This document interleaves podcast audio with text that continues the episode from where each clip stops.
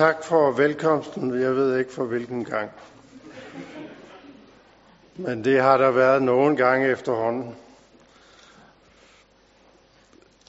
Vi skal møde en af Bibelens utallige bipersoner i dag.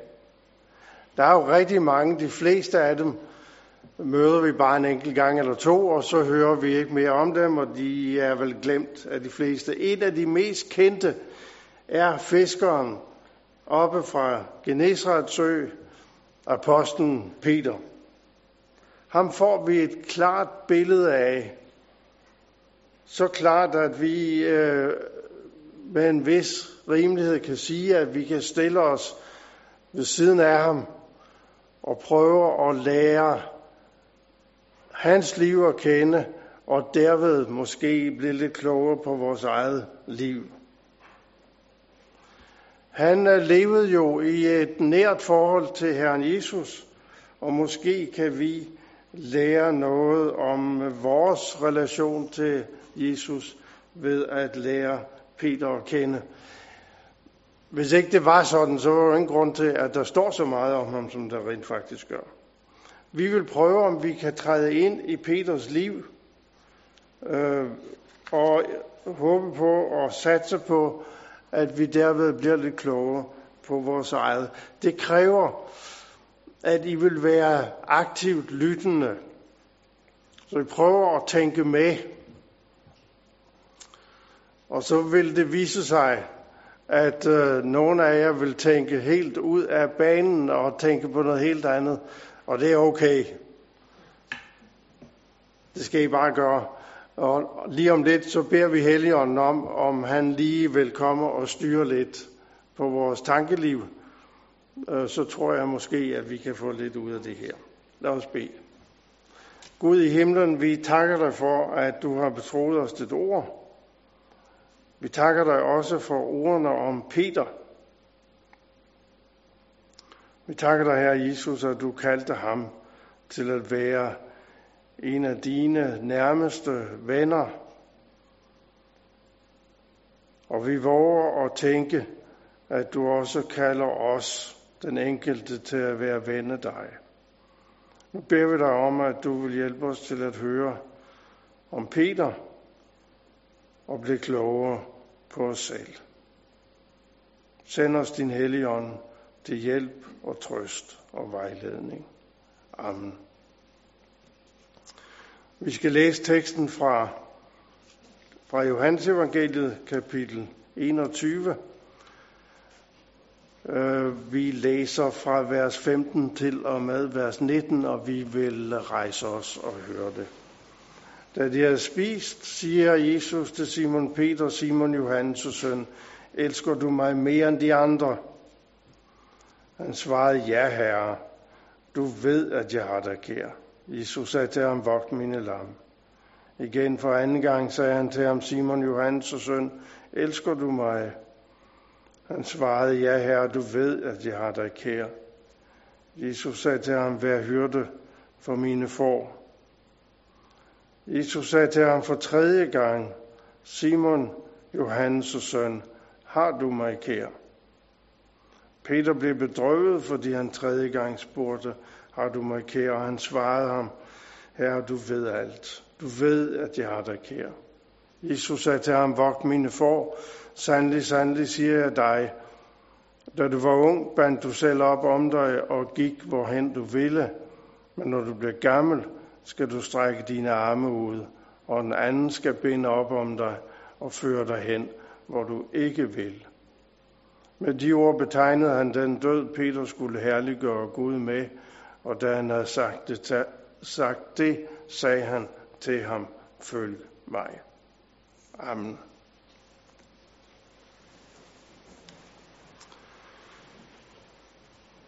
Det er vel egentlig et øh, temmelig almindeligt spørgsmål, det Jesus stiller Peter her på en af de sidste dage, de var sammen.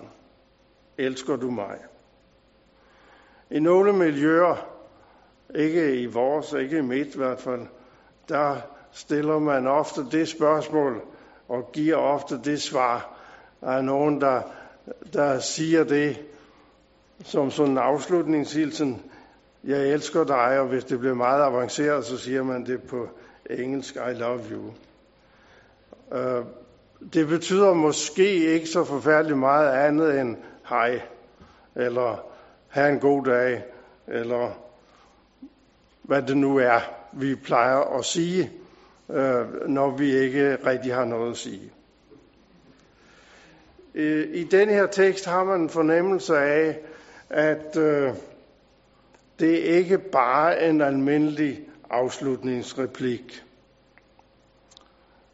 Den der, som Jesus efterspørger. Når han vil have Peter til at sige, jeg elsker dig. Peter har haft et forfærdeligt liv her på det sidste.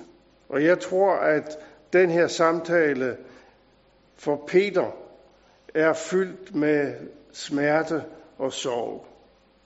Han har klaret sig rigtig dårligt på det sidste. Der er nogle samtaler, som øh, klinger med i Peters ører. Det er ikke så forfærdeligt længe siden, at han hørte Jesus råbe efter ham, vi bag mig, Satan. Du sanser ikke, hvad Guds er. Peter kan høre det i sit hoved. Det var den dag, hvor, hvor Peter var kommet til at sige det samme, som Satan plejede at sige. Det er ikke nødvendigt, at Jesus går i døden for nogen. Vi kan sagtens klare os selv. Og så her forleden dag, hvor de skulle gå til bords for at spise påskelam, der var disciplene nærmest ved at falde over deres egne ben for at få de bedste og fornemmeste pladser. Og Peter havde vist nærmest argumenteret for, at han burde have en af de fineste pladser ved det bord. Og så var det endt med, at han fik en af de nederste er der en eller anden, der skrev, som jeg læste. Jeg ved ikke, hvor rigtigt det er. Vi ved ikke så forfærdeligt meget om det. Men det er den der øh, mærkelige aften, hvor de, hvor de diskuterer, hvem er den, der er den største. Og det er jo ikke sådan, at de har holdt et lille møde og siddet omkring øh, øh, bordet og argumenteret, men de har simpelthen styrtet hen til det spisebord for at finde de bedste pladser og så har de måske ovenkøbet løbet på hinanden, og så har den ene sagt til den anden, altså jeg skal have, jeg skal have den bedste plads, fordi jeg er. Og Peter, han følte sig ramt, da, da Jesus bebrejdede dem, at de havde brugt tid på at diskutere, hvem af dem, der var den største. Han måtte nok indrømme, at egentlig så havde han syntes, at han var en af de allerstørste. Han var sådan en slags leder i menigheden eller i discipleflokken. Det var flot. Men det skulle blive endnu værre.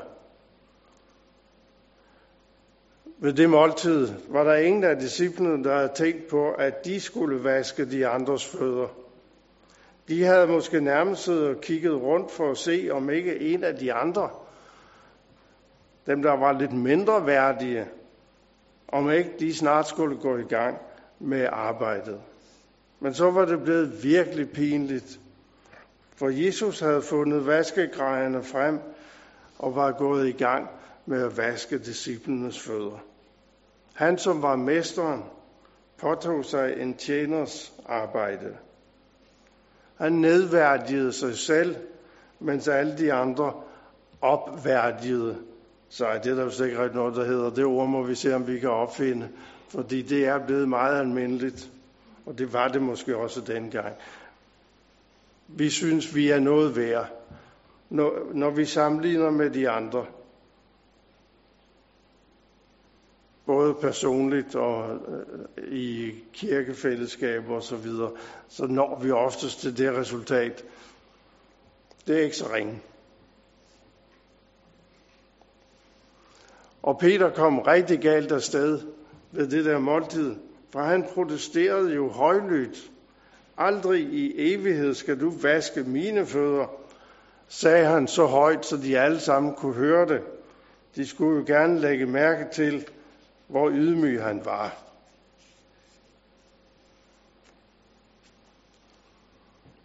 Det vil vi jo gerne være. Jeg er sådan set den mest ydmyge af os alle sammen. Ikke? Jesus sagde så, hvis ikke jeg vasker dig, så har du ikke lod og del sammen med mig. Og så ville Peter vaskes over det hele. For lod og del, det vil han i hvert fald have med Jesus. Det var, der var ingenting, der var mere vigtigt for Peter, end at bevare det fællesskab med Jesus. Mærkeligt nok, så siger Jesus så, at det er ikke nødvendigt. For I er alle sammen rene, siger han, på grund af det ord, jeg har talt til jer. Kan det virkelig være rigtigt, at det at høre Jesu ord kan gøre mennesker rene?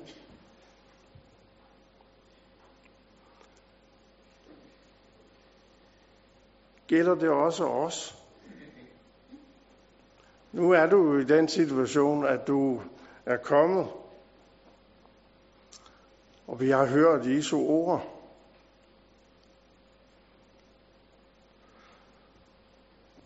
Kan det gøre os rene? Ja, siger Jesus. I er allerede rene på grund af det ord, jeg har talt til jer. Skal der virkelig ikke mere til?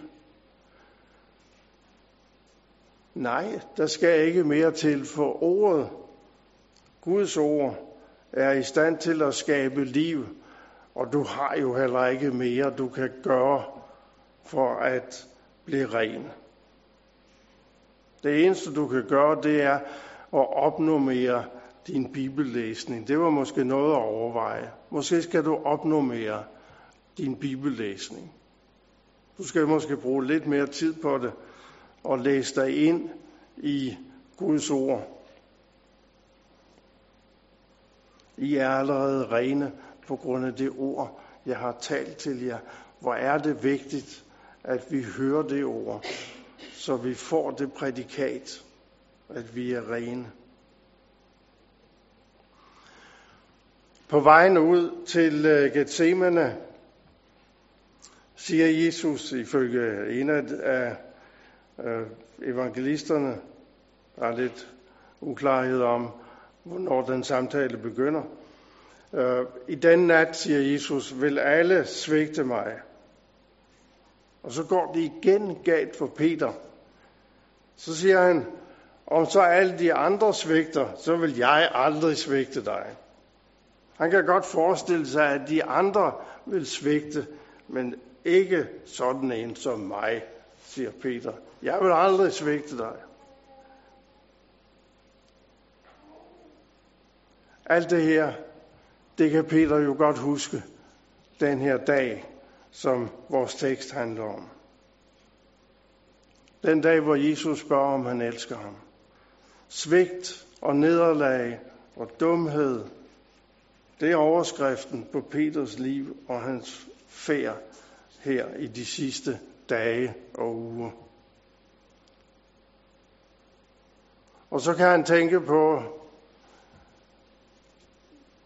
den, den aften, de var ude i Gethsemane, hvor han stod og fumlede med sværet, som han havde fået med derude. Han mente vel, at han skulle kæmpe en kamp for Jesus.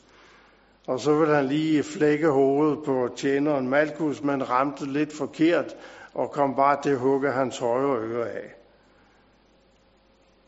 Og så sagde Jesus til ham, du må hellere stikke sværet i skeden, Peter. Det er simpelthen for farligt, at du går rundt med sådan en kniv.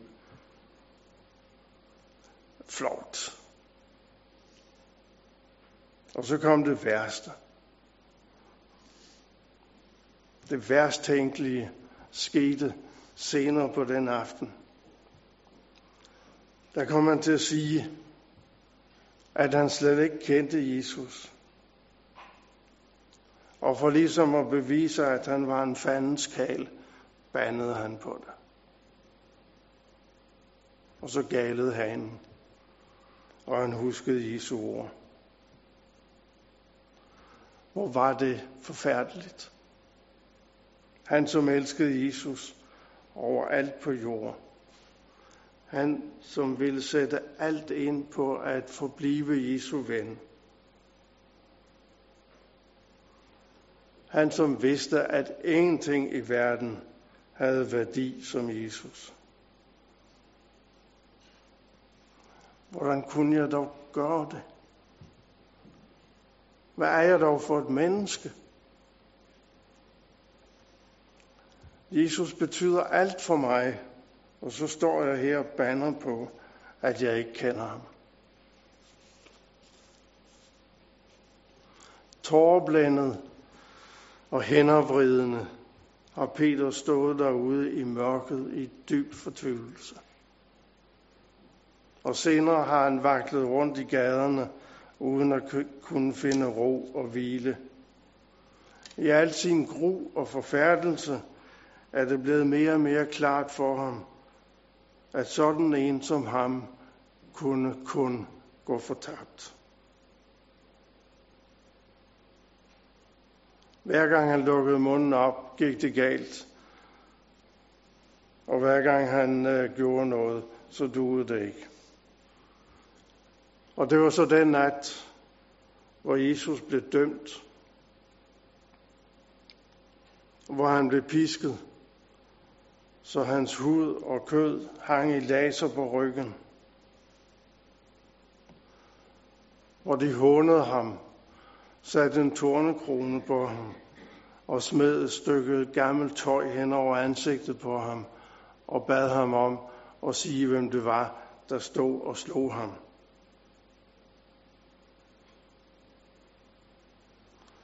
Det var den nat, hvor de så, eller morgen, hvor de så korsfæstede ham, og hvor Peter kunne følge med i frastand og se, hvordan hele hans verden faldt sammen og blev mere og mere håbløs og mere og mere mørkt.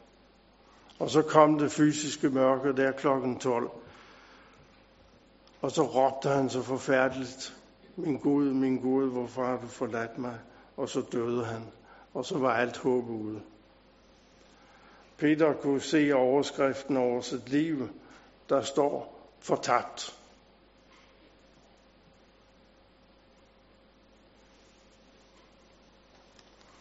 Alt det her har Peter selvfølgelig gået og tænkt igennem igen og igen, frem til den her dag, hvor Jesus spørger ham, elsker du mig? Han tænkte vel også på påskemorgen.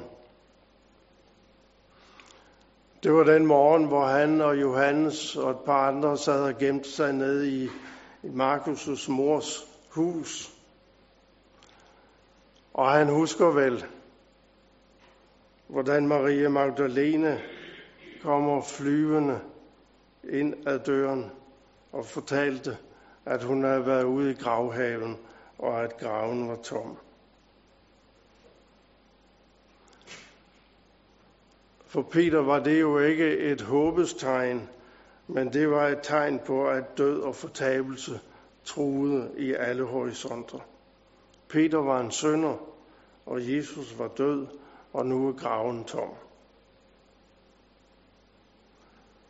Og så løb han alt, hvad han kunne. Han var måske ikke helt ung længere, og han var måske også blevet lidt for tung. Så han løb af alle kræfter. Johannes overhalede ham kom først derud. Tro og tvivl, trøst og fortvivlelse, håb og håbløshed. Der har været en vældig kamp i Peter, mens han løb. Alt hvad han kunne løb han, for at komme ud og se det sted, hvor de har lagt hans døde ven. Da han kommer derud, ser han jo ikke rigtig noget. Han maser ind i graven, men der er ingenting at se der.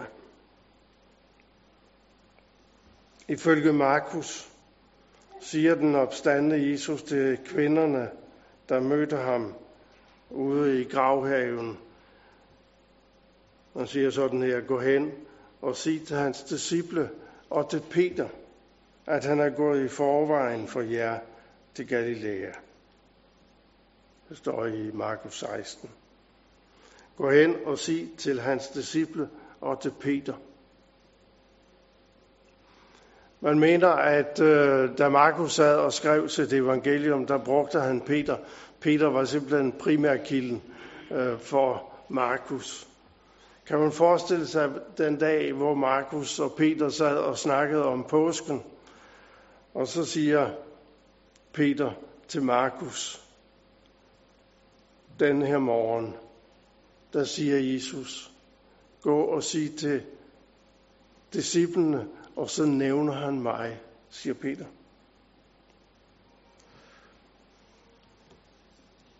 Jesus nævner specielt mit navn.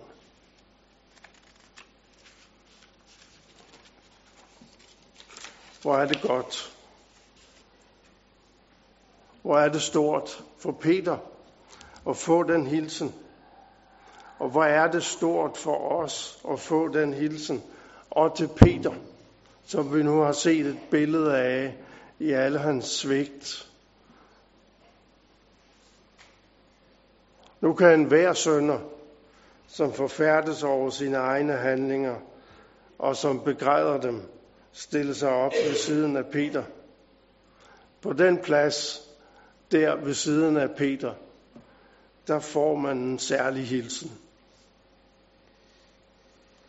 Når man står der og ikke kan tilgive sig selv, så får man en hilsen fra Jesus, som tilsiger søndernes forladelse uden grænser.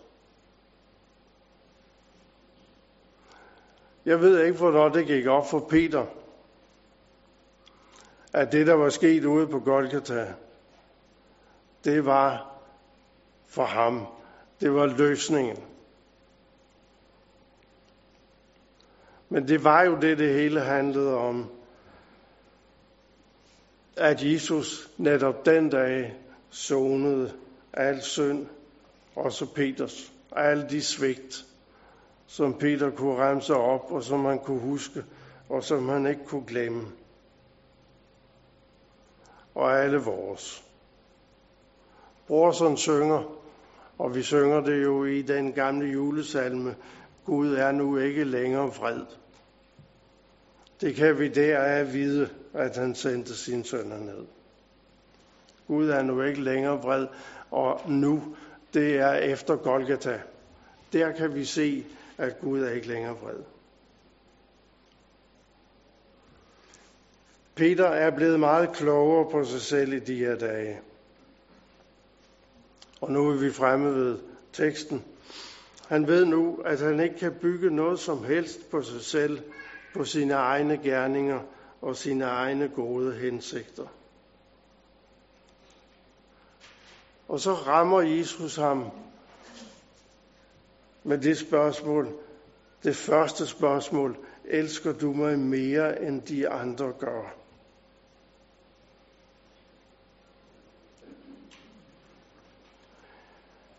Det ligner lidt en fælde. Det er det jo ikke. Men det er en, øh, en formulering, som sætter Peter i gang med at tænke nogle tanker færdige. Elsker du mig mere end de andre gør? Ja, siger Peter. Og så er det den der sammenligning igen,